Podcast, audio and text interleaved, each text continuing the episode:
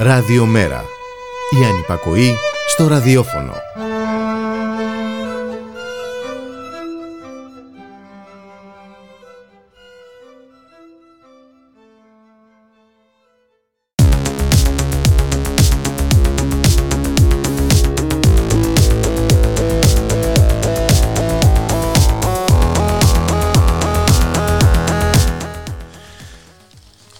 Γεια σας. Άλλο ένα παραλαφούς ξεκινάει με την Πάολα Ρεβενιώτη, στην αρχινταξία ο Τάκης Κουρκουρίκης και στον ήχο η Χαρά Στόκα.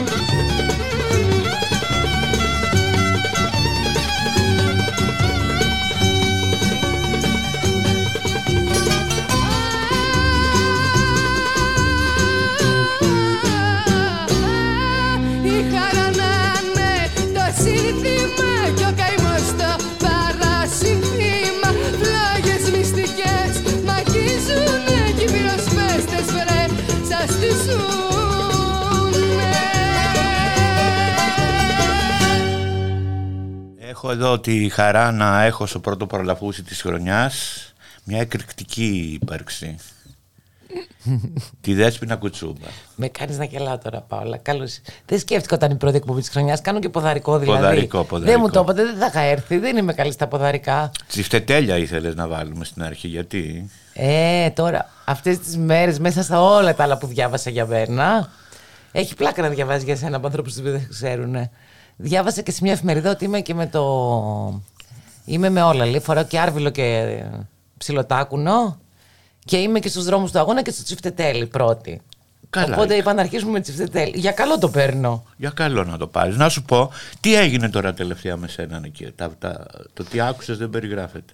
Εντάξει τώρα. Το θέμα δεν ήμουν εγώ. Το θέμα ήταν τι έκανε η κυβέρνηση Μητσοτάκη με τα γλυπτά του Παρθενώνα. Τώρα το πώς από αυτό ξαφνικά γυρνάει σε μένα και το θέμα ήταν ότι ο σύλλογος... Ε, αυτό είναι δικό μου. Ε, δεν πειράζει. Αφού τα έκλεισα όλα. Δεν Τι έκανα; Τι λάθος έκανα. Τίποτε. Ε, λέω, το θέμα είναι ότι ο Σύλλογος Ελλήνων Αρχαιολόγων μπήκε σφίνα σε μια ιστορία που ήταν κάργα προεκλογική της κυβέρνησης Μητσοτάκη, λέγοντας τα αυτονόητα. Ότι ρε παιδιά, εδώ έχουμε μια πολιτική αυτής της χώρας από πάντα που λέγαμε ότι ζητάμε επιστροφή, επανένωση του μνημείου με τα αρχιτεκτονικά του γλυπτά, ότι είναι κομμάτια από το μνημείο, τα μέλη του είναι διαμελισμένο το μνημείο, τα μισά, τα μισά είναι στο Λονδίνο και τα μισά στην Αθήνα. Ε, και καμία κυβέρνηση δεν συζητούσε ποτέ δανεισμό. Και ενώ και αυτή η κυβέρνηση έλεγε επίσημα, επίσημα ότι δεν συζητάει δανεισμό, δεν, δεν αναγνωρίζει κυριότητα νομή κατοχή στο Βρετανικό Μουσείο, επίσημα, στις επίσημες ανακοινώσεις. Δηλαδή, έβγαινα εγώ στην τηλεόραση ως εκπρόσωπος του Συλλόγου Ελλήνων Αρχαιολόγων και έλεγα τα ίδια με τη Μενδώνη στις επίσημες ανακοινώσεις. Από πίσω όμως γινόντουσαν άλλα. Έβγαινε ένας δημοσιογράφος και έλεγε Ο Κυριάκος Μητσοτάκης είναι η Μελίνα Μερκούρ και θα φέρει τα γλυπτά. Έβγαινε ο άλλος δημοσιογράφος και έλεγε Α τα φέρουμε εδώ δανεικά και δεν τους τα γυρίσουμε πίσω. Γιατί είμαστε εμείς οι έξυπνοι και όλοι οι άλλοι είναι κουτόφραγκοι. Δεν το, το έχει σκεφτεί κανένας άλλος αυτό. Είναι διακρατικές σχέσεις αυτό. Ή μένουμε Ευρώπηδες. Αυτοί που είναι με τα, αυτά με τα, θα μας πετάξουν έξω από την Ευρώπη, τους φαίνεται πολύ φυσιολογικό να λένε Φέρτε τα εδώ δανεικά και μετά δεν τα γυρνίζουμε. Λες και είμαστε παιδάκια του δημοτικού τώρα, έτσι. Ε, λοιπόν, και ε, καλλιεργούσαν αυτό το κλίμα από κάτω.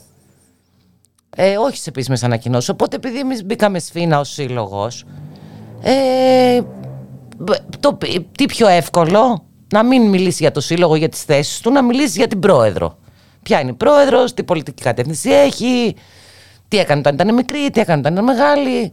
Μέχρι και για τα αδέρφια μου διάβασα στο Twitter. Βράζει και μια ζώνη, λέει πολύ ακριβή. Α, ναι, ξέχασα και τη ζώνη, συγγνώμη. Ναι, βέβαια. Είδανε και μια ζώνη. και επειδή δεν μπορούσαν να βρουν την. Αποφασίσαν ότι είναι ερμές η ζώνη. Γιατί θα έδινα εγώ, ας πούμε, χίλια ευρώ για μια ζώνη. Τέλος πάντων. Άστο αυτό και να τα έδινα εγώ στο μου καπέλο μου.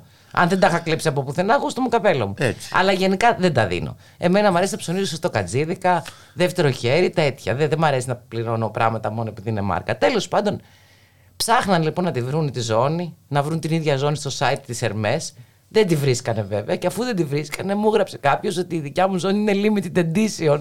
Εδώ μεταξύ, παιδιά, δεν έχει ούτε μάρκα η ζώνη, έτσι. Καμία μάρκα, δεν έχει όνομα μάρκας πάνω. Πέντε ευρώ από την ομόνια. Με έκαψες, μάρκα με έκαψε.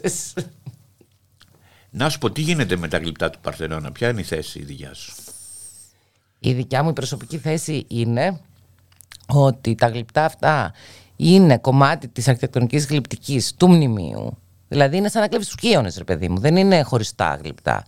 Και ο στόχος μας θα έπρεπε να είναι αυτά να γυρίσουν για να γυρίσουν όλα μαζί πάνω στο μνημείο. Δεν είναι γλυπτά για να είναι ούτε στο Βρετανικό Μουσείο καλά με τίποτα, αλλά ούτε στο Μουσείο της Ακρόπολης. Δεν είναι για να είναι μέσα σε μουσείο. Έχουν φτιαχτεί με συγκεκριμένο τρόπο, γιατί, ε, να, ξέ, δηλαδή με, με το ύψος του ματιού, ότι τη ζωφόρο τη βλέπει ο θεατής από κάτω προς τα πάνω. Το αέτομα το ίδιο. Είναι φωτοσκιάς, είναι πολλά πράγματα. Είναι μια τέχνη έχουν φτιαχτεί για ένα συγκεκριμένο σημείο.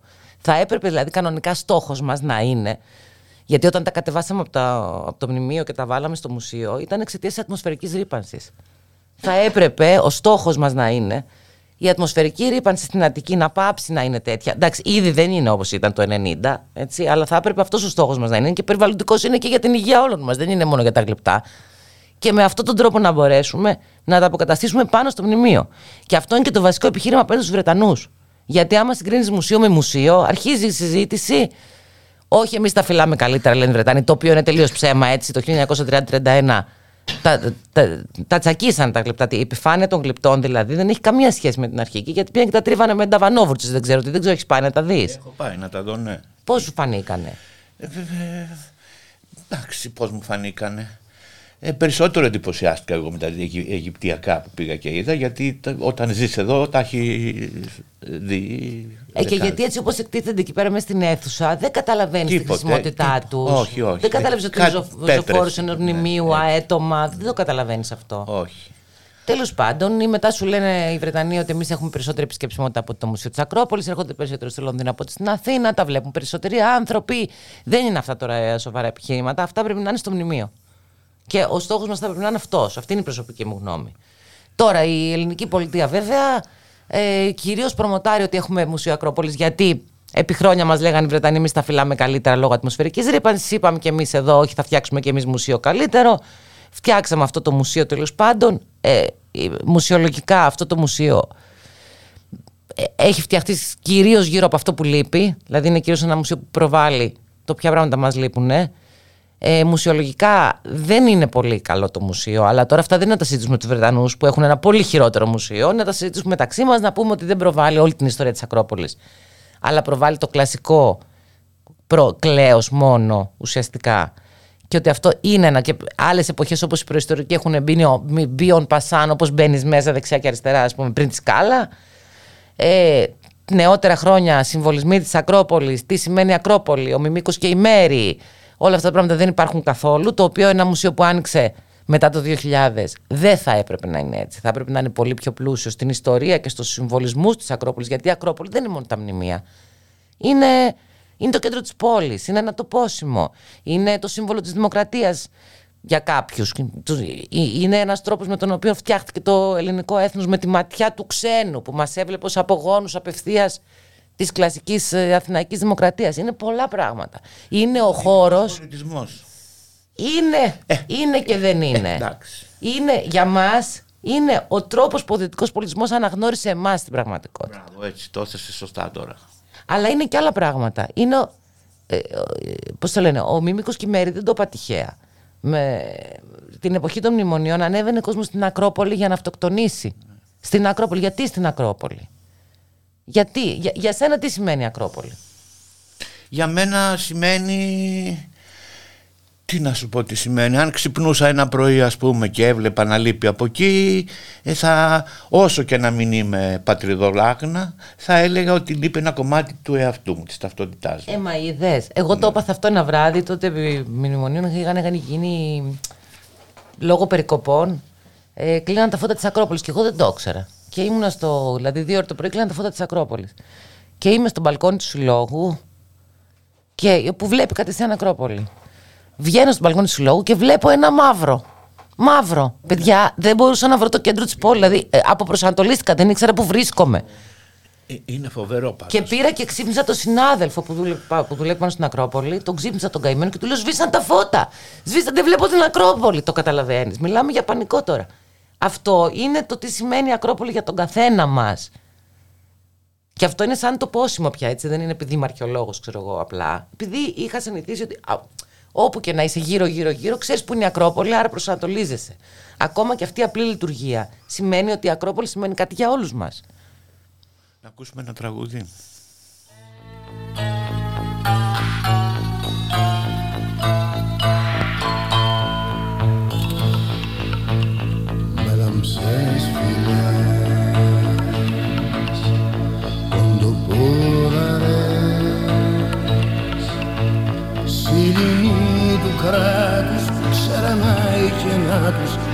Τσιφτετέλινες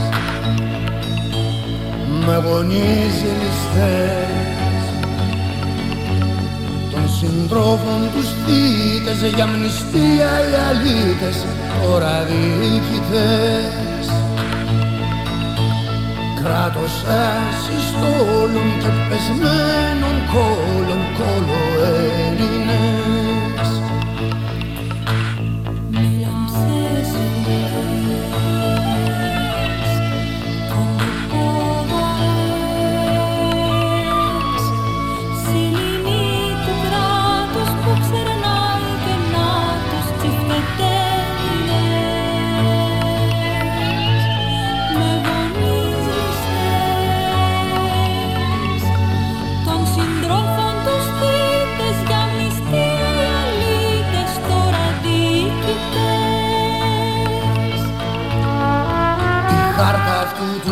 τους κρύβει απάτη που φτάνει στον γνωστό αγριόνιο στο τάτσο μιας φίλης του ζητεργάτη ναι απ' το ότι ελληνικό στον κόσμο αυτό ναι,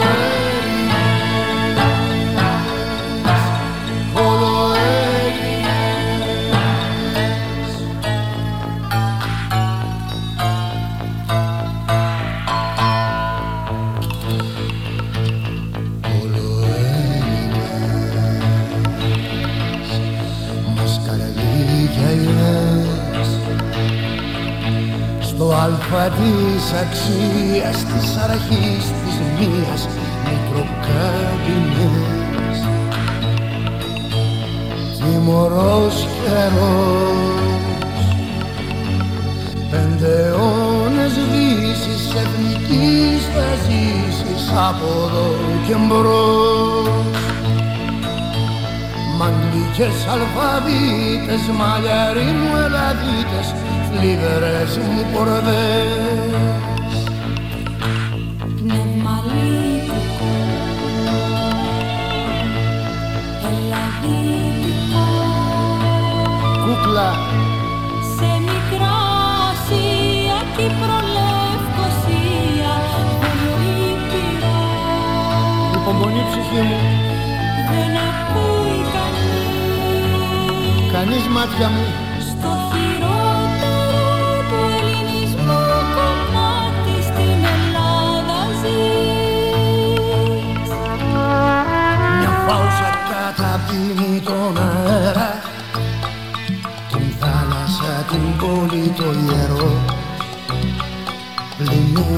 σκουλίκια η μητέρα ναι. Το ρόδο κατά γης βγάζει καπνό ναι. Δεν υπάρχει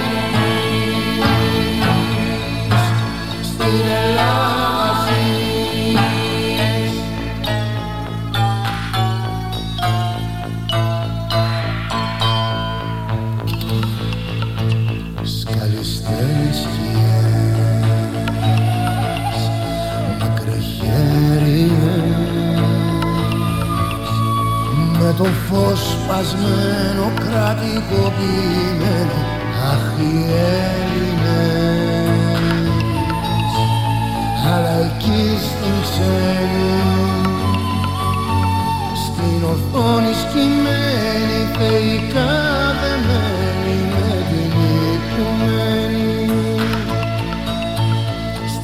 απέναντι τόπους φωτοκολλημένοι απ' τον εδώ ουρανό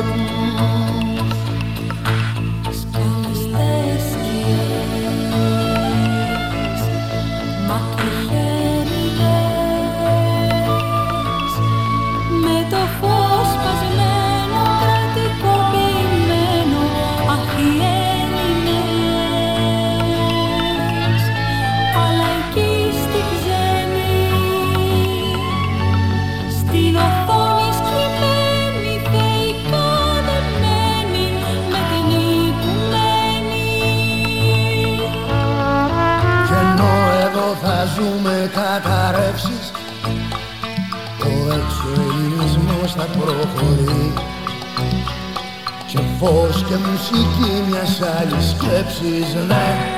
Στη μείζωνα Ελλάδα θα εκραγεί ναι. Στους πανέλληνες Στους πανέλληνες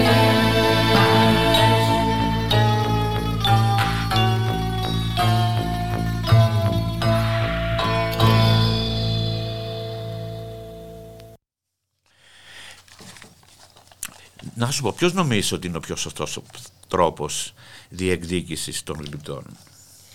Κοίτα, εκτός από αυτό που είπα πριν, ότι πρέπει να προβάλλουμε πάρα πολύ ότι είναι κομμάτι του μνημείου και πρέπει να γυρίσουν στο μνημείο. Ε, νομίζω ότι ο επιστημονικός δρόμος είναι ο καλύτερος, θα σου πω γιατί τα τελευταία χρόνια είναι πάρα πολύ... Εντάξει, κάθε επιστήμη προοδεύει, η μουσιολογία προοδεύει επίσης ε, και η αρχαιολογία. Τα τελευταία χρόνια υπάρχει μια πάρα πολύ έντονη πίεση στα μουσεία του εξωτερικού από το κίνημα το λεγόμενο της αποαπικιοποίησης, decolonize. Ε, το οποίο εντάξει έχει δύο, δεν έχει μόνο την όψη τα κλεμμένα, αλλά τα κλεμμένα είναι βασική όψη. Έτσι. Δεν- Υπάρχουν τα μουσεία στο εξωτερικό, τα μεγάλα μουσεία του εξωτερικού, το, εδώ όχι μόνο το Βρετανικό, το Μητροπολιτικό, το Γκετί, ένα σωρό μουσεία. Είναι φτιαγμένα. Λούβρο. Το Λούβρο, ναι, το ξέχασα, μπράβο. Το, Λου- το οποίο επίσης έχει μία μετόπη του Παρθενώνα. Μην την έχω ξεχνάμε δει κι και έχω αυτήν. πάει. Ναι. Ε, είναι πάρα πολύ έντονη η πίεση από τη μουσιολογική κοινότητα πια ότι πρέπει να αποαπικιοποιηθούν τα μουσεία. Να σταματήσουν να φτιάχνουν συλλογές με κλεμμένα, να τα γυρίσουν πίσω και να σταματήσουν επίσης να παίρνουν, να, να, να εξωτικοποιούν, να το πούμε έτσι, άλλους πολιτισμούς. Να παίρνουν δηλαδή αντικείμενα από αφρικανικές φυλές και να τα εκθέτουν ως αντικείμενα καθημερινά και να τα εκθέτουν ως σαν να είναι εκθέματα, ξέρω εγώ, που είναι καθημερινά αντικείμενα. Αυτό είναι μια μεγάλη κουβέντα στη μουσιολογική κοινότητα, η οποία το 2022 κατέληξε ε, στο, στο Διεθνές ε, Συνέδριο του Διεθνούς Συμβουλίου Μουσείων, του ΙΚΟΜ, να αλλάξει ο ορισμός του μουσείου, ο διεθνής ορισμός του τι είναι μουσείο, και να μπει μέσα η λέξη ηθική. Μάλιστα υπήρχε μεγάλο ρεύμα ε, να μπει και η αποαπικιοποίηση ως στόχος των μουσείων. Δεν πέρασε αυτό, εντάξει, ήταν- δεν είναι και όλοι τόσο προθυμένοι, αλλά μπήκε τουλάχιστον η ηθική στον ορισμό που εννοεί αυτό ακριβώς. Ε, λοιπόν, αυτή η κουβέντα είναι που μπορεί να μας φέρει στο σημείο ε, να πιεστεί ακόμα περισσότερο. Συν βέβαια το γεγονός ότι η Βρετανική κοινή γνώμη έχει μεταστραφεί ε, σε μεγάλο βαθμό, πάνω από το μισό ας πούμε. Έτσι βγήκε λέει ένα, στον Guardian 90% ότι θέλουν να επιστραφούν τα. Καλά, εντάξει, του Guardian το 90% κατά την γνώμη μου είναι υπερβολικό και τώρα που έγινε και όλη αυτή με την έννοια ότι έκανε μια διαδικτυακή δημοσκόπηση στο site του. Ο Guardian ούτως ή άλλως πάντα ήταν με τις δικές μας θέσεις, μας στήριζε. Οπότε είναι φυσιολογικό και ο κόσμος που διαβάζει Guardian κατά 90% να είναι με αυτή τη θέση. Αλλά είναι πάνω από 50% σίγουρα η κοινή γνώμη της Βρετανίας και αυτό είναι σημαντικό. Οι βουλευτές δεν είναι, οι κυβερνήσεις δεν είναι, ο κόσμος είναι. Αλλά εντάξει, ξαναλέω, προχωράει ο κόσμος. Άμα συνεχίσουμε αυτή την πίεση και την εντείνουμε με επιστημονικά επιχειρήματα και βέβαια με το να είμαστε και εμείς σαν χώρα σταθεροί στις θέσεις μας. Δηλαδή τώρα αυτό που συνέβη με τις μυστικές διαπραγματεύσεις ήταν άνω ποταμών για τον εξής λόγο.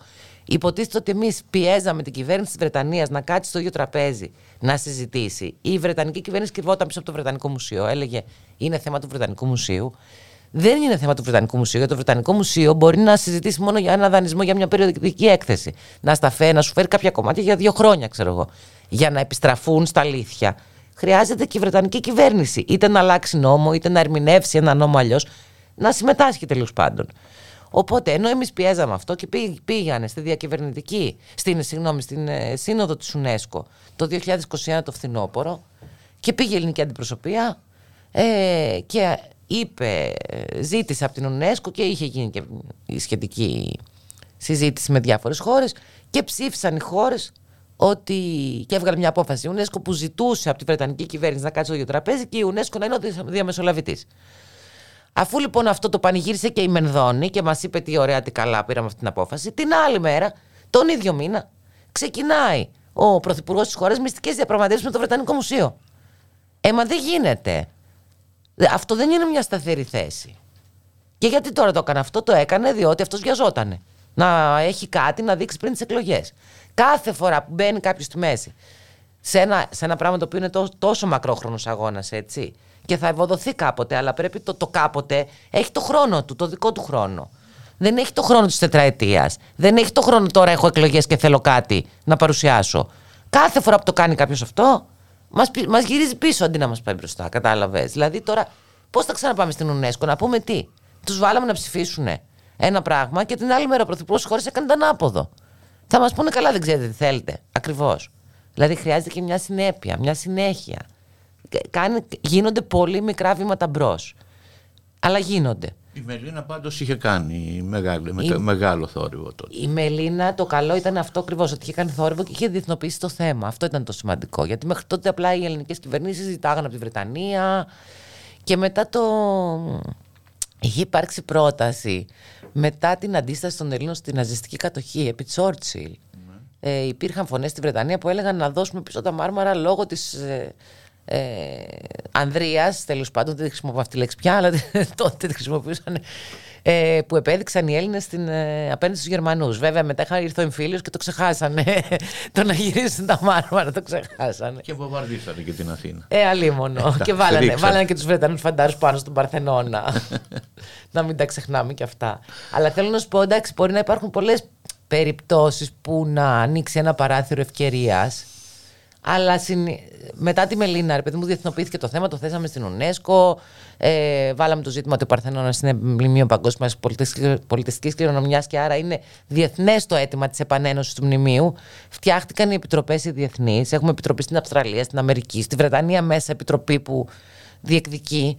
Ε, λοιπόν, και στρατεύτηκαν σε αυτή την υπόθεση οι προσωπικότητες της Βρετανίας, ηθοποιοί, άνθρωποι, πολύ, πολύ και επιστήμονε. Καλά, επιστήμονες δεν το συζητάμε. Σε όλες αυτές τις επιτροπές υπάρχουν επιστήμονες αρχαιολόγοι και ειδικοί των μουσείων από όλες τις χώρες που είναι υπέρ αυτού του πράγματος. Κάνεις λοιπόν μικρά, μικρά, μικρά βηματάκια. Αν αυτό το πας να το κάνεις, να πεις ότι εγώ σε μια τετραετία θα το τελειώσω, γιατί θέλω να το παρουσιάσω στους ψηφοφόρους μου στο τέλος της τετραετίας, δεν το πας μπροστά το πράγμα, το πας πίσω. Το πάθαμε και με το Σαμαρά αυτό, με την Αλαμουντίν. Άλλη ιστορία αυτή, φοβερή ιστορία. Για πες μου τι. Ε, ε, ρε παιδί μου, η ελληνική πολιτεία, όλες οι κυβερνήσεις ποτέ δεν α, είχαν εξετάσει το θέμα νομικά. Νομικά δεν μπορείς να πας εύκολα. Καταρχάς, γιατί μιλάμε για ο Έλγιν τα πήρε αυτά σε μια εποχή που ήταν Οθωμανική Αυτοκρατορία. Δεν, υπήρχε ελληνικό, κράτος. κράτος, ναι. Πήρε και ένα Οθωμανικό φυρμάνι. Έχουμε και ένα πρόβλημα εδώ πέρα που είμαστε μεταξύ μας να το πούμε και αυτό το πρόβλημα ότι το ελληνικό κράτος για να αναγνωρίζει τη, τα χρυσόβουλα των βατοπεδίων και των διαφόρων Ξέρεις. έχει αποδεχτεί ότι είναι συνέχεια του Οθωμανικού κράτους. Κατάλαβες. Οπότε θα πας εκεί και θα σου πούνε Οθωμανικό φυρμάνι και εσύ έχεις πει ότι είσαι συνέχεια. Πέραν αυτού, δεν μπορείς να βάλεις τα ηθικά θέματα, δεν μπορείς να βάλεις τα επιστημονικά θέματα στο δικαστήριο, βάζεις μόνο νομικά θέματα. Και επίσης έχεις και το εξής πρόβλημα. Αν μεν πάρεις θετική απόφαση του δικαστηρίου, πάλι πώς θα τα πάρεις πίσω, πάλι πρέπει να στα δώσουν. Δηλαδή, τι θα κάνεις, θα μπουκάρεις να τα πάρεις, δεν μπορείς. Πρέπει κάποιος να την εφαρμόσει αυτή την απόφαση. Στις διεθνείς αποφάσεις υπάρχει αυτό το πρόβλημα. Δεν μπορείς να στείλεις την αστυνομία να τα κατάσχει. Δεν γίνεται, είναι ξένη χώρα. Η βε- η- Εάν το χάσεις, δεν μπορείς να ξαναβάλεις το αίτημα πουθενά. Το χάσεις. Κατάλαβες; Οι Βρετανοί και άλλα μουσεία λένε ότι αν δοθούν ε, τα γλυπτά θα ζητάνε και άλλες χώρες. Και η Αίγυπτος θα ζητάνε, η Κίνα θα ζητάνε. Εγώ είμαι υπέρ του να τα πάρουν όλες όλα πίσω. Και έτσι είναι το σωστό. Και έτσι είναι το σωστό. Και αυτή είναι και η σωστή αποαπικιοποίηση. Οι ελληνικές κυβερνήσεις όμως, για να το απαντήσουν αυτό, λένε ότι, και δεν έχουν και άδικο τώρα και τελείωσε αυτό που λένε, ότι είναι μια ειδική περίπτωση ο Παρθενώνας, επειδή αποκόπηκαν από ένα μνημείο, δεν ήταν, ξέρω εγώ, όπως η Αφροδίτη Μήλου. τα ξέρω βρήκανε εγώ. σε ένα χωράφι, ας πούμε. Ναι, δεν τα βρήκαν κάπου, ας πούμε. Αποκόπηκαν από ένα μνημείο και επειδή είναι το μνημείο σύμβολο της UNESCO, να το θεωρήσουμε ως εξαιρετική περίπτωση και να γυρίσει το Βρετανικό. Εάν έρθει ποτέ η ώρα που θα υπάρξει συμφωνία επιστροφής με τη Βρετανική κυβέρνηση, θα βρεθούμε μπροστά σε άλλα προβλήματα. Πολύ σοβαρά. Γιατί το Βρετανικό έχει και άλλα δικά μας. Έχει το γλυπτό διάκοσμο του Επικούριο Απόλλωνα. Θα έχουμε άλλα θέματα. Θα μας ζητήσουν να πούμε ότι δεν, δεν θα ζητήσουμε τα υπόλοιπα. Δηλαδή, πάντα σε κάθε περίπτωση θα έρθεις μπροστά σε κάποιες επιλογές. Άρα μόνο μια επιστημονική επιτροπή μπορεί να το λύσει αυτό το θέμα δηλαδή. Εντάξει, είναι και πολιτικό γιατί πρέπει να μιλήσει με τη Βρετανική κυβέρνηση. Δεν γίνεται να μην υπάρχει κυβέρνηση. Τώρα, εμείς ξέρεις τι λέμε τώρα, επειδή είναι η δεύτερη φορά που την πατάμε. Δε, ναι, δεν, τέλειωσε, δεν τελειώσαμε με το Σαμαρά. Αφού λοιπόν η- το ελληνικό δημόσιο δεν έχει πει ότι δεν θα πάει δικαστικά, το βάζει το θέμα ηθικά, επιστημονικά, πολιτικά και διακρατικό θέμα και αυτά.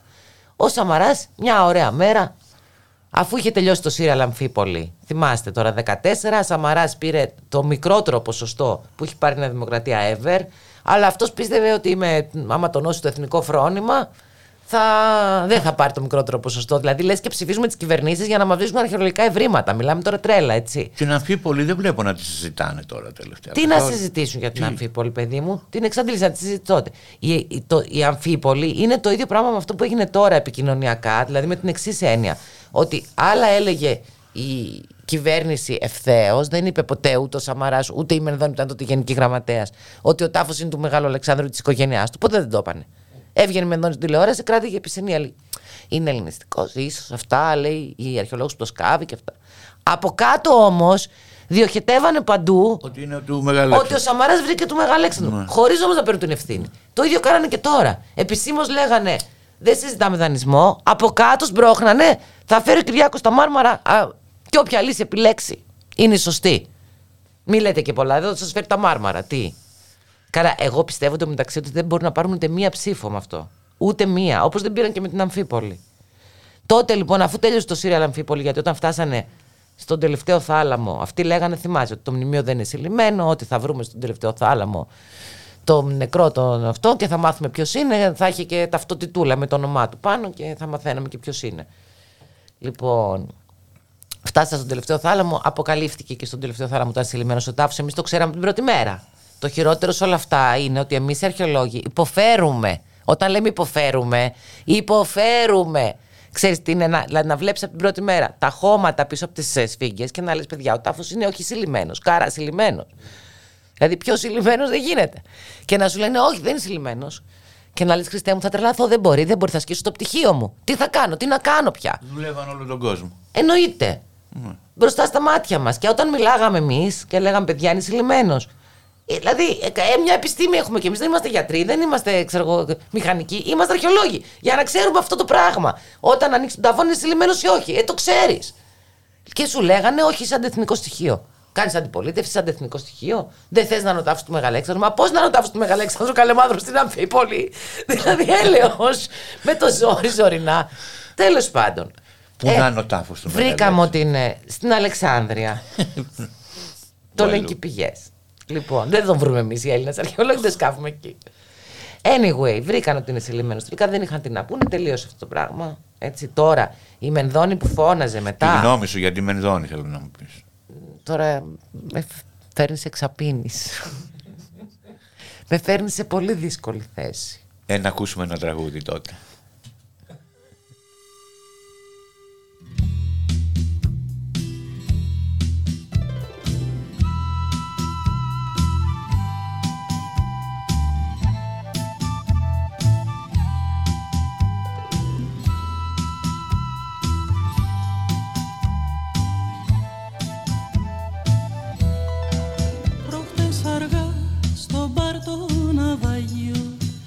Βρέθηκα να τα πίνω με έναν Άγιο Καθότανε στο δίπλανο σκαμπό Και κοινωνούσε με ουίσκι και νερό.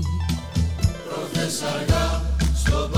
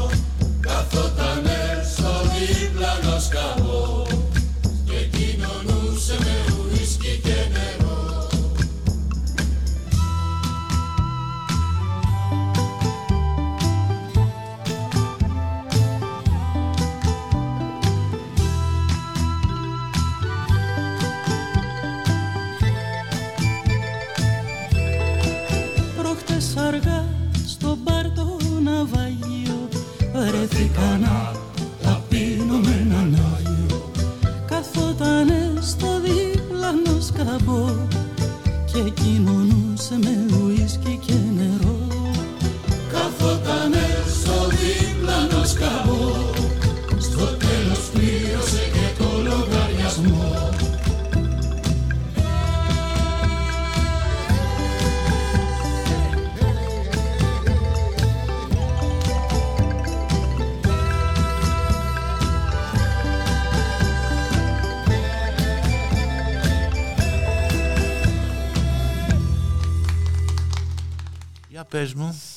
Τη Μενδώνη, ε. Ναι.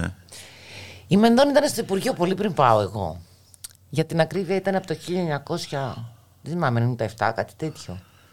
Ε, Γενική Γραμματέας.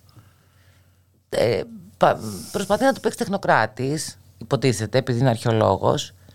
Ε, ποτέ δεν ήταν αρχαιολόγος της αρχαιολογικής υπηρεσίας που να πασχίζει για τα αρχαία. Εντάξει, τα ανάποδα. Ήταν πάντα, είναι πολιτικός. Τελεία. Έχει κάνει με Βενιζέλο, έχει μάθει όλα τα κόλπα.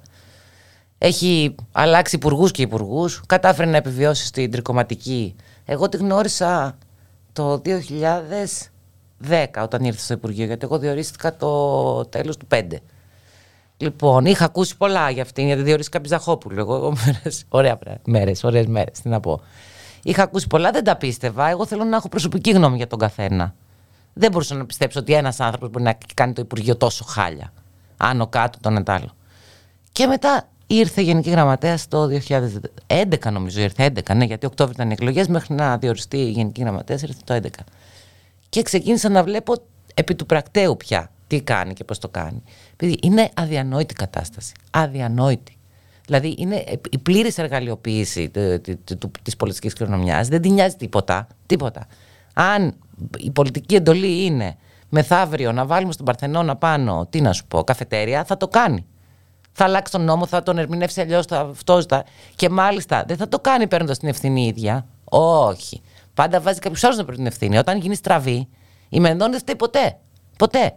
Εν τω μεταξύ έλεγα ότι η Μενδώνη το έχει αυτό και τώρα το έχει και ο Μητσοτάκης. Έτσι ίδιο. Όταν σκάσει στραβή, δεν φταίει αυτός, δεν ήξερε, έφταιγε από κάτω, από δίπλα. Έτσι είναι.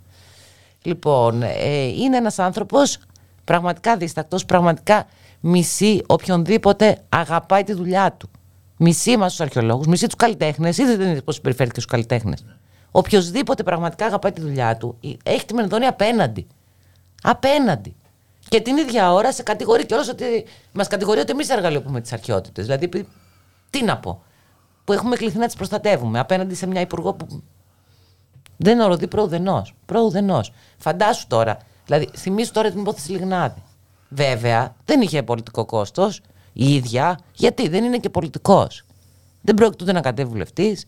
Είναι εκεί για να κάνει επίσης. Είναι κοινό μυστικό πια, ήρθε η ώρα και να το πούμε και δημόσια, ότι σε μεγάλο βαθμό στον πολιτισμό, στο σύγχρονο πολιτισμό, κάνει κουμάντο, δηλαδή ακολουθούνται εντολές, εντολές, οδηγίες, δεν ξέρω τι, της συζύγου του Πρωθυπουργού.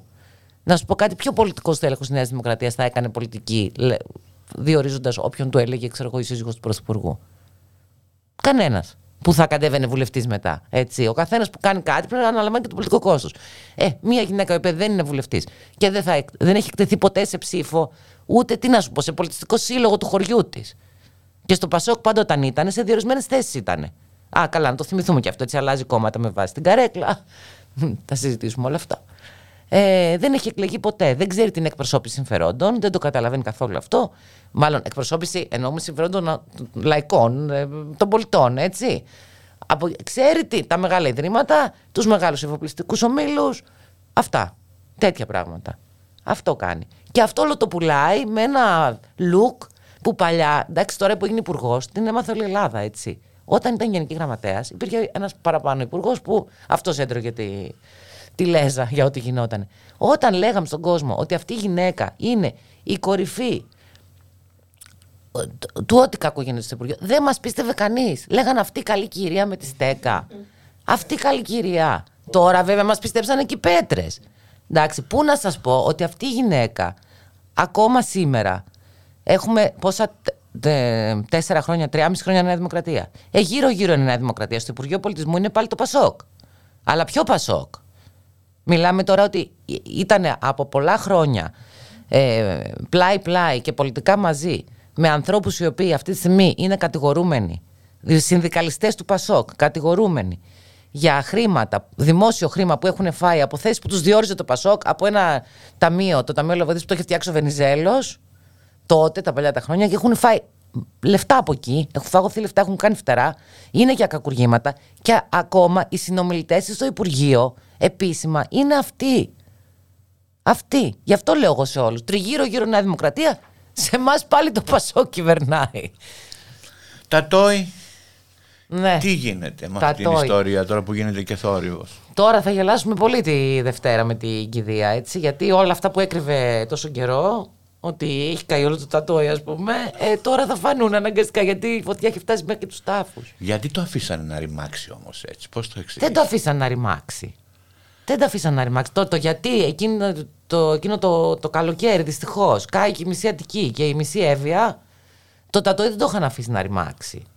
Το τατόι εντάξει μεγάλο είναι ούτως ή άλλως, θέλει προσοχή και αυτά, αλλά ίσα ίσα που το 19 το τατόι το είχαν στι προγραμματικές δηλώσεις που θα κάνουν για το τατόι και θα διάξουν για το τατόι. Και δεν ήταν τυχαίο γιατί η Νέα Δημοκρατία έχει και ένα κομμάτι που είναι φιλο βασιλικό. Βέβαια, εδώ έχουμε ένα άλλο θέμα σοβαρό. Τώρα πέθανε ο, ο έκπτωτος βασιλιάς. Ο έκπτωτος βασιλιάς γενικά, επειδή ήταν τα πατρογονικά του εκεί, από ό,τι ξέρω εγώ, από ό,τι έχω μάθει, δεν ήταν πολύ φαν της ε, πολυεμπορικής αξιοποίησης. Εδώ το πρόγραμμα που έχει βάλει μπροστά η Μενδώνη, το οποίο είναι σε συνεννόηση, ξέ, ξέρω ότι σε αυτό, είναι σε συνεννόηση με τον Κάρλο της Αγγλίας, είχαν πάει στο, πώς το λένε, στο, σε ένα αντίστοιχο κτήμα που έχει ο Κάρλος και το έχει επίση κάνει σπα και διάφορα ξενοδοχεία, ιστορίες. Τέτοια πράγματα. Και πάλι για πλούσιους και για. Θέλει να το κάνω για πλούσιους και σε αυτό, από ό,τι έχω, από ό,τι έχω ψυχανεμιστεί, οι, διά, οι διάδοχοι, δεν είναι διάδοχοι, τα, η γη του έκτου του βασιλέως υπολογίζουν να είναι μέσα σε αυτό. Είτε με μια, σε μια μορφή διαχείρισης, να φτιάχνει φορές διαχείρισης που να είναι στη διοίκησή του, είτε μ, δεν ξέρω με ποια μορφή εμπορευματική, αλλά ναι, ένα μεγάλο κομμάτι του ατοίου, ο σκοπός τους είναι να το κάνουν να είναι για πλούσιους. Και φτιάξουν ξενοδοχείο, να φτιάξουν Ναι. ακριβά εστιατόρια και τέτοια. Ακριβώς. Να σου πω. Και, και το υπόλοιπο, ξέρεις τι, να γίνει μουσείο της, βασ- της μοναρχίας. Αυτό είναι πρόβλημα. Δεν θέλουμε ένα μουσείο που να λέμε «Α, τι ωραία που ήταν που είχαμε βασιλιάδες». Θέλουμε ένα μουσείο που να είναι της ιστορίας της χώρας. Τι πραγματικά ήταν η μοναρχία σε αυτή τη χώρα. Εντάξει, προφανώς τα εκθέσεις και τις άμαξες και αρέσουν και στα παιδιά πάρα πολύ.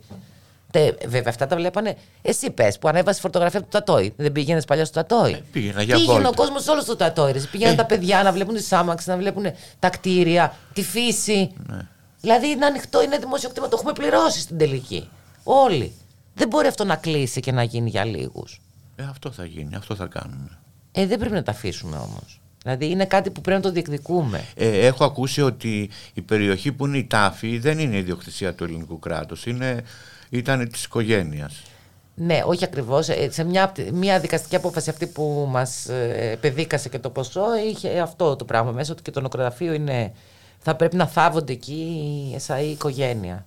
Γι' αυτό δεν είπαμε και τίποτα τώρα που θα τον θάψουν στο Δατόι. Ενώ κανονικά εντάξει. Όλοι υποτίθεται ότι θα πάμε σε νεκροταφεία. Θα μου πεις και ο Καραμαλής δεν τα και αλλού, εντάξει. Τέλος πάντων, το θέμα είναι ότι στο Δατόι τώρα έχουμε ένα τεράστιο έργο εμείς, σαν Υπουργείο Πολιτισμού, τέσσερα έργα για την ακρίβεια. Ε, με τα κοντέινερ που μείνανε πίσω, δηλαδή τα, τα πράγματα που δεν πήρε ο Γλίξμπουργκ το, σε συνεννόηση με την κυβέρνηση του μπαμπά Μητσοτάκη, γιατί φύγανε τα κοντέινερ με τα καλύτερα και οι πίνακες και όλα αυτά φύγανε. Το έκλαιγε ο, ο, ο Κωνσταντίνος στην κηδεία του Μητσοτάκη, τα κοντέινερ θυμήθηκε. Ναι, θυμήθηκε ότι είχαν μείνει και μερικά, είχαν ξεμείνει μερικά κοντέινερ. Πάντως από την εικόνα που έχω, αυτά που έχουν ξεμείνει πραγματικά δεν είναι πολύ μεγάλης αξίας. Εντάξει, ιστορικής αξίας είναι. Όχι κιόλα. Αλλά μ, ναι, έχουμε ένα μεγάλο έργο εκεί πέρα. Ε, απλά ο, το, ο φόβος μας είναι αυτός. Πέρα, εντάξει, πέρα από διάφορα προβλήματα που έχουμε εκεί με τους εργαζόμενους που τα έχουμε δημοσιοποιήσει κιόλας. Γιατί δεν τους νοιάζει. Τώρα έχει και το Υπουργείο 60 εργαζόμενους, δεν υπάρχει λεωφορείο να πάνε, να φύγει. Δηλαδή, έχεις το παιδί στο σχολείο και αρρώστησε, δεν μπορείς να φύγεις από εκεί. Πας το πρωί με πούλμαν, φεύγεις το μεσημέρι με το πούλμαν. Δεν υπάρχει άλλος τρόπος να φύγεις. Δεν έχουν τρεχούμενο νερό, δεν έχουν τηλέφωνο σταθερό, παίρνουν από τα κινητά τους. Δηλαδή κα- είναι στο βουνό, στο βουνό. Και δεν νοιάζεται το Υπουργείο. Δεν έχουν ένα γιατρό εργασίας, δεν νοιάζεται το Υπουργείο Πολιτισμού. Το μόνο που του νοιάζει το Υπουργείο Πολιτισμού είναι πόσα καταγράψατε σήμερα στη βάση δεδομένων. Αριθμητικά. αριθμητικά να, δείχνουμε, να δείχνουμε έργο. Κατάλαβες αυτή η ιστορία. Αλλά τέλος πάντων, στο βάθος αυτού σου λέω, το φοβάμαι ότι πάμε για ένα μουσείο της μοναρχίας. Τι ωραία που ήταν που, έχουμε, βα- που είχαμε τους βασιλιάδες εδώ και τι ωραία που ζούσαν οι βασιλιάδες. Να σε ακούσουμε άλλο ένα τραγουδάκι.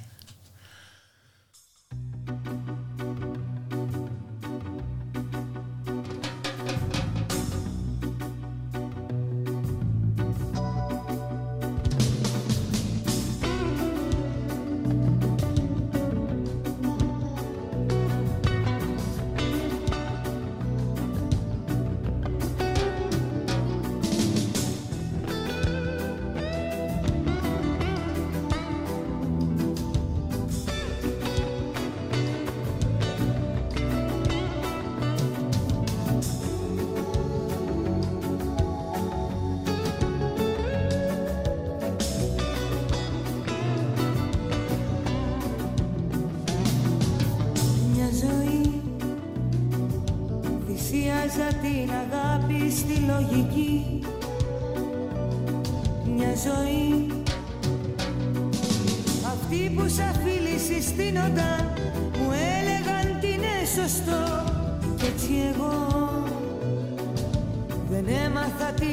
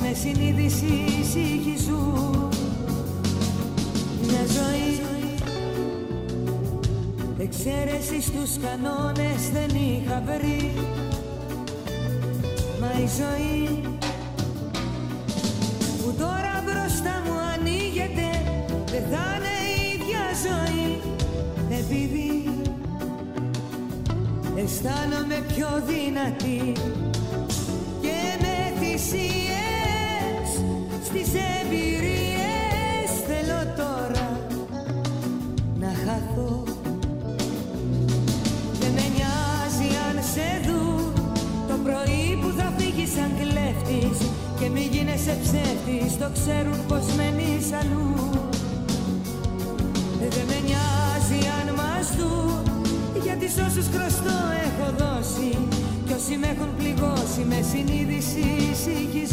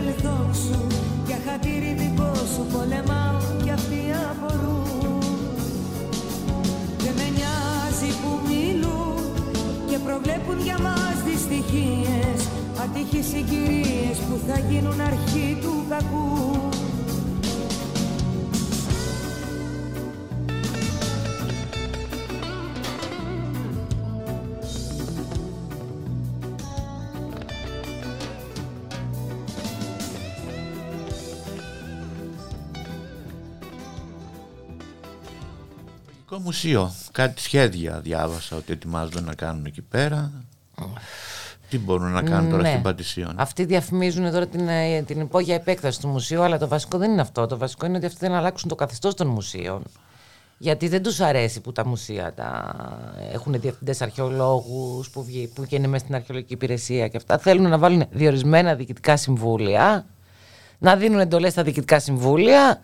Αυτά θα ανταλλάξουμε, αυτά θα κάνουμε, αυτά θα πάρετε, αυτά θα δώσετε. Και επειδή η υπουργός μας έχει διακριθεί στους διορισμούς προσώπων, βρε Πελιγνάδης, ή δεν ξέρω τώρα αν είδατε την ιστορία με τον χορογράφο που έχει κατηγορηθεί για κακοποίηση, και του έδωσε το Υπουργείο Πολιτισμού χρηματοδότηση για να κάνει πρόγραμμα ε, για την, ε, ε, πώς το λένε, για την ε, κακοποίηση, ενάντια στην κακοποίηση των παιδιών. Δηλαδή, μιλάμε τώρα, τέλος πάντων, αυτή λοιπόν η υπουργός, η τόσο καλή και αυτή η κυβέρνηση που έχει διορίσει. Α, στο Μουσείο της Ακρόπολης τώρα διορίσαν τη Μαριάννα Βαρδινογιάννη, στο Δουσού. Γιατί το Μουσείο της Ακρόπολης είναι το μόνο που έχει διοικητικό συμβούλιο και θέλουμε να σταματήσει να έχει και αυτό. Βάλα τη Μαριάννα Βαρδινογιάννη στο Μουσείο της Ακρόπολης. Και το Διωματάρι. Αφού τον διώξανε που δεν είχε πτυχίο, τον βάλανε στο Δουσού του Μουσείου της Ακρόπολης. Δηλαδή θέλουν να γεμίσουν τα πέντε, θέλουν τα πέντε μεγάλα μουσεία της χώρας, μεταξύ αυτών και το Εθνικό Αρχαιολογικό, να γεμίσουν Δουσού με αποτυχημένους πολιτευτές και ανθρώπους που αποφασίζει η πολιτική ηγεσία που μπορεί να τους δίνει εντολές. Δεν τους αρέσουμε εμείς οι αρχαιολόγοι, δεν τους αρέσουν οι επιστήμονες. Το Εθνικό Αρχαιολογικό Μουσείο είναι κόσμημα. Το, οι συλλογές του εννοώ. Έτσι. Και δεν έχω πάει δυστυχώς. Δεν έχεις πάει κρίμα και ήθελα να σε Δεν έχω, ρωτήσω. και είναι για και το- κοντά μου. Και έχω Ήθελα πάει να στα σε άλλα μου. ρωτήσω αν σου αρέσει. Θα πάω να το δω. Είναι Πα- ένα, έχει ένα πανόραμα, είναι υπέροχο. Πάντα εντυπωσιαζόμουν με, με την τέχνη, ξέρεις, της αρχαίας Ελλάδος. Ήθε- τι, τι σημαίνει για σένα αυτή η τέχνη; Να σου πω τι μου είχε πει ένας Άγγλος. Τι μου είχε πει; Ότι ε, όταν κοιτάω ένα ωραίο αγόρι, εκείνη τη στιγμή γίνομαι Έλληνας. Γιατί αυτό είναι μια ελληνική ματιά. Ναι, Ναι, μου είχε πει ένας Άγγλος έτσι. εσύ, εσύ όταν πηγαίνεις τι βλέπεις, τι, τι, τι, τι νιώθεις; Σε ρωτάω γιατί η καινούργια συζήτηση πρέπει να είναι και πώς θα κάνουμε και τα μουσεία συμπεριληπτικά. Νιώθω δέος. Ε, μερικές φορές με ενοχλούν τα γράμματα που είναι πολύ μικρά και δεν μπορώ να διαβάσω αλλά θα, μπορούσε, θα μπορούσαν να γίνουν πιο ζωντανά να μην είναι μόνο τα εκθέματα συγχρόνως να γινόταν και εκδηλώσεις να λέγαν ιστορίες Αυτό ακριβώς κάνει το Εθνικό Αρχαιολογικό Μουσείο και πρέπει να πηγαίνεις στις Κυριακές. Κάνουν το αθέατο μουσείο, κάνουν Έτσι, ιστορίες, ναι. κάνουν πάρα πολλά πράγματα. Βέβαια έχουν ένα τεράστιο πλούτο ευρημάτων που είναι στις αποθήκες και γι' αυτό χρειάζεται οπωσδήποτε επέκταση. Ε, τώρα βέβαια, τι θα γίνει με αυτό που κάνανε, με το διαγωνισμό που τον κάνανε κλειστό, που επιλέξαν αρχιτεκτονικά γραφεία του εξωτερικού μόνο, ε, που βάλανε κάποιους Έλληνες αρχιτέκτονες απλά σαν συνεργάτες των ξένων, που βγάλανε μία φωτογραφία μόνο που δεν μπορούμε να καταλάβουμε καν το σχέδιο. Και τώρα θα, θα ανακοινώσει, λέει ο Πρωθυπουργός, το αρχιτεκτονικό σχέδιο του μουσείου. Το έχετε ξανακούσει εσείς αυτό; Ο Πρωθυπουργός να ανακοινώνει το αρχιτεκτονικό σχέδιο, καλά, μαζί με τους μελετητές, υποτίθεται. Έπρεπε κανονικά αυτό να είναι ένα πανηγύρι. Δηλαδή το να, το να επεκτείνουμε το Εθνικό Αρχαιολογικό Μουσείο έπρεπε να είναι ένα πανηγύρι. Έπρεπε να είναι δημόσιος ο διαγωνισμός, να βγουν όλες οι μακέτες των προτάσεων, να τις δει ο κόσμος, να γίνει συζήτηση. Δεν γίνεται συζήτηση για την αρχιτεκτονική στην Ελλάδα στην, και δει στην Αττική. Τώρα θα μου πεις γι' αυτό καταλήξαμε με το μεγάλο περίπατο και ακόμα ταλαιπωριόμαστε. Αλλά πραγματικά η αρχιτεκτονική και η πολεοδομία, εγώ τις θεωρώ τόσο σημαντικές, όσο και την ε, αρχαιολογία, την επιστήμη δηλαδή που έχω σπουδάσει. Γιατί είναι το, είναι το γύρο μας, είναι ο τρόπος που περπατάς στην πόλη, είναι ο τρόπος που η σχέση σου με το χώρο. Και στην αρχαιολογία τώρα αυτό το βλέπουμε. Η αρχιτεκτονική κάθε, από τον προϊστορικό οικισμό μέχρι τον Παρθενώνα, η αρχιτεκτονική είναι η τέχνη της ζωής των ανθρώπων. Το πού βρίσκεται, πού ζει, πού- τι πιστεύει για τους θεούς του, τι τους αφιερώνει. Όλο αυτό είναι αρχιτεκτονική. Το πώς συμβιώνεις με το διπλανό σου. Αν τα σπίτια είναι κολλητά, αν έχουν δρόμο που τα χωρίζει, αν έχουν υπαίθριους χώρους. Όλα αυτά έχουν σχέση με το πώς ζεις. Και σήμερα στην Αττική, τι σήμερα, χρόνια τώρα στην Αττική, δεν συζητάμε ούτε αρχιτεκτονική ούτε πολεοδομία. Ούτε που θα βάλουμε πλατεία, ούτε ποιος είναι ο δημόσιος χώρος. Η διάκριση δημόσιου χώρου, ιδιωτικού χώρου. Κάτι που υπάρχει από τους προϊστορικούς οικισμούς. Και δεν το συζητάμε, δεν το διεκδικούμε καν. Είναι μεγάλο πρόβλημα, πάρα πολύ μεγάλο. Και σε αυτό τώρα μπέσα μπαίνει και το Εθνικό Αρχαιολογικό Μουσείο. Γιατί βγαίνει η κυβέρνηση και σου λέει: Η επέκταση του Εθνικού Αρχαιολογικού Μουσείου έχει σχέση με όλη την περιοχή, την αναβάθμιση της περιοχής από Εξάρχεια μέχρι Κυψέλη. Και όταν το λέει αυτό η κυβέρνηση, να σου σηκώνει την τρίχα. Γιατί σημαίνει ότι πάει να κάνει ένα ψυρί. Ο- εντάξει. Ε, Και μας λέει τώρα η κυβέρνηση αυτή ότι θέλει να αναβαθμίσει το Εθνικό Αρχαιολογικό Μουσείο που θέλει. Να το κάνει νομικό πρόσωπο να του βάλει διορισμένο δουσού. Ένα το κρατούμενο. Δεύτερο το κρατούμενο. Παρακαλάγαμε τόσο, και, τόσο καιρό η, ο σταθμός μετρό ε, που περνάει από εκεί να έχει, οπ- να έχει οπτική επαφή με το μουσείο και να λέγεται Εθνικό Αρχαιολογικό Μουσείο ο σταθμός. Δηλαδή αυτό κάνεις άμα θες να στηρίξεις το μουσείο. Υπάρχει μεγάλο μουσείο που να μην έχει μέσα σταθερή τροχιάς. Και, από το, την και α- το τρίτον μας λέει ότι θα δώσει λεφτά για επέκταση. Καλά, τα λεφτά δεν τα έχουν βρει ακόμα, τέλος πάντων. Και αυτή τη στιγμή, να πα στο Εθνικό Αρχαιολογικό Μουσείο, οι μισές αίθουσες είναι κλειστές γιατί δεν έκανε ανανέωση της, ε, των συμβασιούχων. Θα κάνουμε επέκταση να ρίξουμε και άλλες αίθουσες, αλλά αυτή τη στιγμή τις αίθουσες δεν τις έχουμε ανοιχτές, γιατί δεν ήθελε να παρατείνει τη συμβάση του προσωπικού, ούτε να προσλάβει καινούριο προσωπικό. Και είναι οι μισές αίθουσες κλειστές. Και όλα α, θα ξανανοίξουν οι αίθουσες όταν είναι να έρθουν οι τουρίστες. Δεν μας ενδιαφέρει να έρθουν άλλος κόσμος να δει, οι Έλληνες να δουν το Εθνικό Αρχαιολογικό Μουσείο, ούτε οι τουρίστες του χειμώνα. Οι τουρίστες του καλοκαιριού, τα μιλούνια μόνο. Και τι, για να μην, μην φανεί ότι το έχουμε κλειστό. Αυτό. Μην έρθει κανένα δημοσιογράφος και πει ότι είναι κλειστές αίθουσες. Αλλιώς δεν τους ένοιαζε ούτε αυτό. Δεν τους ένοιαζε. Το, και το υποβαθμίζουν επίτηδες τώρα το Εθνικό Αρχαιολογικό, που είναι Γιατί όμως το υπάρχει κεντρικό μουσείο. Υποβάθμιση. Ε, που, ε, Για να μπορέσει να βγει υπουργός μεθαύριο που θα φέρει το νομοσχέδιο που θέλει να φέρει, που είναι στα 30 που λέει ο Μητσοτάκης ότι είναι. Πώς το λένε, νομοσχέδια που το ΜΕΣ, και να πει ότι να, το μουσείο τώρα υπολειτουργεί. Λες και δεν φταίει η ίδια που υπολειτουργεί, και άρα θα του βάλουμε ένα διοικητικό συμβούλιο που θα το. και θα φυσάει μετά το μουσείο. Θα φυσάει. Πώς φυσάει το Βρετανικό Μουσείο με τον Όσμπορν που είναι πρώην Υπουργός Οικονομικών; Έτσι, ένα τέτοιο πράγμα. Να σου πω για σένα, ναι, ε, ποιο είναι, ε, ποιο, πώς θα ήθελες να ε, είναι ο πολιτισμός δηλαδή τη- τη- τη- τη- αυτής της χώρας. Πώς θα ήθελες να τον αναδείξουν μέσα από τα μουσεία; Από τα μουσεία, δεν είναι μόνο τα μουσεία. Εγώ πιστεύω ότι ο πολιτισμός, η πολιτική κληρονομιά τουλάχιστον, συνδέεται με πάρα πολλά πράγματα. Συνδέεται με την προστασία του περιβάλλοντος. Βασικό. Άμα δεις στο κέντρο της Αθήνας, οι χώροι που έχουμε οι πράσινοι είναι αρχαιολογικοί χώροι. Φιλοπάπου, ας πούμε. Ε, τα άλλα, άντε, μας έμεινε και ένας λικαβιτό, όσο έμεινε. Κατά τα άλλα, είναι, είναι κηρυγμένοι αρχαιολογικοί χώροι. Η ίδια η προστασία αυτών των χώρων μαζί με το περιβάλλον τους, η Δελφή, ας πούμε. Αν δεν ήταν αρχαιολογικός χώρος, δεν θα ήταν αυτό το τοπίο που βλέπουμε σήμερα. Είναι επίσης για μένα, είναι και μια φυγή από την... ε- Η εποχή μας είναι πολύ εποχή ταχύτητας. Πολύ τρελά εποχή ταχύτητας. Δηλαδή, εδώ τα σκάνδαλα τώρα. Νοσταλγώ τις εποχές που είχαμε το σκάνδαλο Κοσκοτά και πηγαίναμε δυόμιση χρόνια και τώρα έχουμε ένα σκάνδαλο κάθε δύο μέρες. Το συνηθίσαμε πλέον. Μπαίνεις σε έναν αρχαιολογικό χώρο όμως και ξαναγυρνάς σε, ένα- σε μια πιο ανθρώπινη κατάσταση. Το, το λέω από την άποψη του επισκέπτη τώρα, έτσι δεν το λέω από την άποψη του αρχαιολόγου. Σε διδάσκει πράγματα. Δε- δε- δεν είναι γενικά το αρχαίο κλέος. Δεν είναι. Καμία σχέση με αυτό. Είναι πώς ζούσαν άνθρωποι σε διαφορετικές εποχές. Και ταραγμένες και, μη ταρα- και ήρεμες και με, πώς, με, με πολέμους χωρίς πολέμους. Με πανδημίες χωρίς πανδημίες. Όλα αυτά έχουν ξανασυμβεί. Πώς τα αντιμετώπισαν, ποια πολιτεύματα είχαν, τι είναι η δημοκρατία, τι είναι η δημοκρατία της αρχαίας Αθήνας που οι μέτικοι ήταν απ' έξω, οι γυναίκες δεν συμμετείχαν στα κοινά. Η μισή ήταν απ' έξω, η μισή κάτοικοι της Αττικής δεν ήταν στην εκκλησία του Δήμου που την εκθιάζουμε. Όλα αυτά πρέπει να τα κουβεντιάσεις. Σου λέει πράγματα, σου λέει πράγματα για το πώς ζούσαν για να επιλέξεις και εσύ σήμερα πώς θες να ζήσεις. Αυτό είναι η πολιτική κληρονομιά για μένα. Αυτό πρέπει να προβάλλουν τα μουσεία και προσπαθούμε να το προβάλλουν. Υπάρχει δηλαδή ένα σοβαρό ιδεολογικό περιεχόμενο σε αυτό. Είναι, είναι πολύ σημαντικό ας πούμε, ότι τα τελευταία χρόνια όλα τα μουσεία κάνανε εκθέσεις για την προσφυγιά. Για να δείξουν, αυτό μπορεί να κάνει ένα μουσείο. Την ώρα που έχεις το προσφυγικό ανοιχτό, να σου κάνει μια έκθεση για τις προσφυγικές ροές στην αρχαιότητα, για να καταλάβει ο άλλος ότι η προσφυγιά είναι κάτι που υπάρχει σε μια συνέχεια από πάντα. Άρα είναι, ένα, είναι κάτι με το οποίο ζεις μαζί. Δεν είναι κάτι που τώρα μας συνέβη γιατί κάποιοι αποφάσισαν να μας αλλοιώσουν το DNA. Το αλλοιωμένο. το δεν υπάρχει φυλετική καθαρότητα. Αυτά όλα θα στα πει ένα μουσείο. Μπορεί να στα πει ένα μουσείο. Ένα μουσείο σήμερα στα λέει. Μόλις έρθουν τα διορισμένα δουσού από την κυβέρνηση, δεν θα στα λέει πια. Θα κάνει εκθέσεις για τις κυρίες στο Κολονάκι και στην Εκάλη. Πάντως είναι ε, στους Δελφούς όποτε πάω εγώ έχει μια, μια μαγεία αυτό το μέρος εκεί πέρα ρε παιδί μου. πάντως. Εκπληκτική μαγεία έχει, αλλά δεν είναι μόνο ο αρχαιολογικός χώρος. Είναι μαζί με το φυσικό περιβάλλον και είναι και το πώς εντάσσεται το ένα στο άλλο. Και αυτό μας φέρνει στο πρόβλημα αυτό που έλεγα με την αρχιτεκτονική, την πολεοδομία. Και είχε πλάκα γιατί είχα διαβάσει πριν πάω ότι είχε πει ο Απόλλωνας ότι ε, αν θα μου φτιάξετε το ναό εδώ πέρα ε, ο, ο τόπος θα είναι πάντα ζωντανός, θα έχει κόσμο και θα είναι και, εύ- ε, θα είναι και πλούσιος. Και πραγματικά δηλαδή όταν είχα πάει είχα φτάσει 9 η ώρα το πρωί και ήταν, δεν υπήρχε ψυχή. Και 9,5 ώρα καταφτάσανε δεκάδες πούμε και έβλεπες χιλιάδες κόσμου ξαφνικά. Και θυμήθηκε σε αυτό που είχαν πει πριν οι αρχαίοι ποιητές πριν τόσες χιλιάδες χρόνια ότι και το βλέπεις να γίνεται μπροστά σου μετά από 2.000 χρόνια.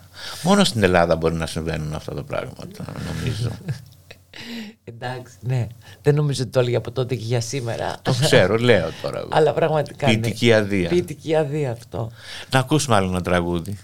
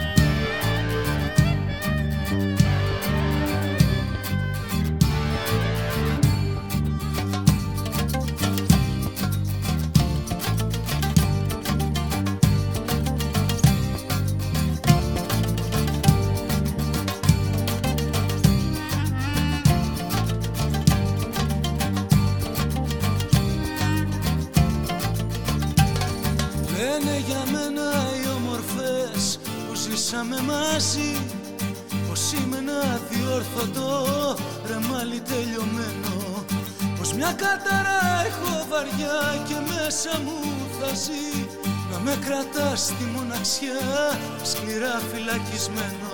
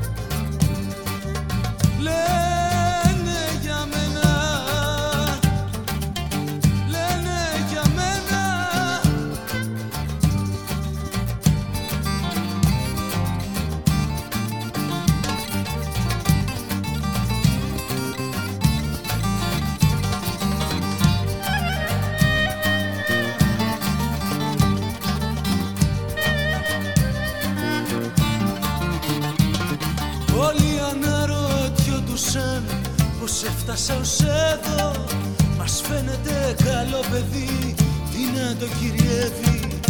Οι θύελες που πέρασε δεν του βάλαν μυαλό. Απ' το Θεό παιδεύεται και το Θεό παιδεύει. Λένε για μένα. Λένε για μένα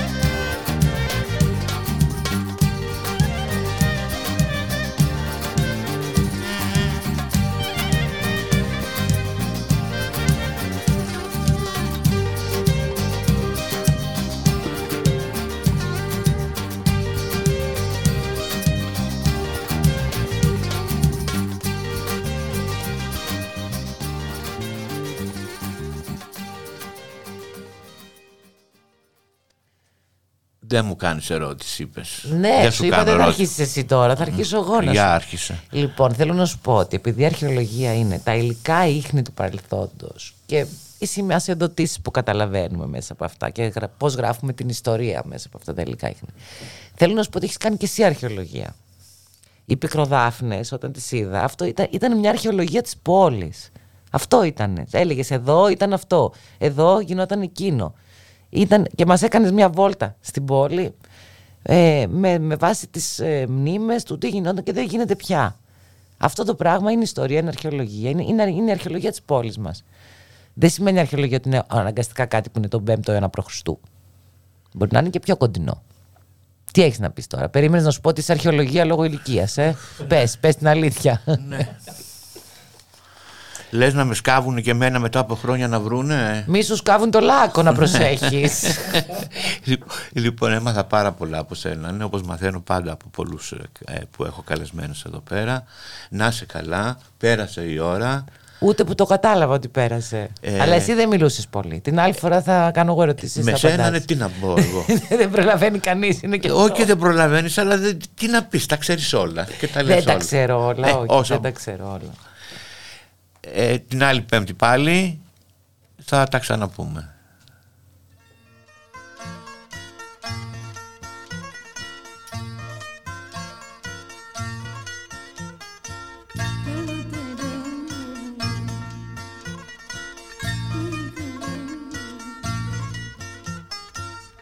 Μία είναι η ουσία, δεν υπάρχει αθανασία. Αρτεμία είναι η ουσία δεν υπάρχει αθανασία. Αχ και του παραδείσου η κοιλάδα δεν χωράει την Ελλάδα. Να σου να θέμω να σωθεί η ανθρωπότητα. πάνω να μ'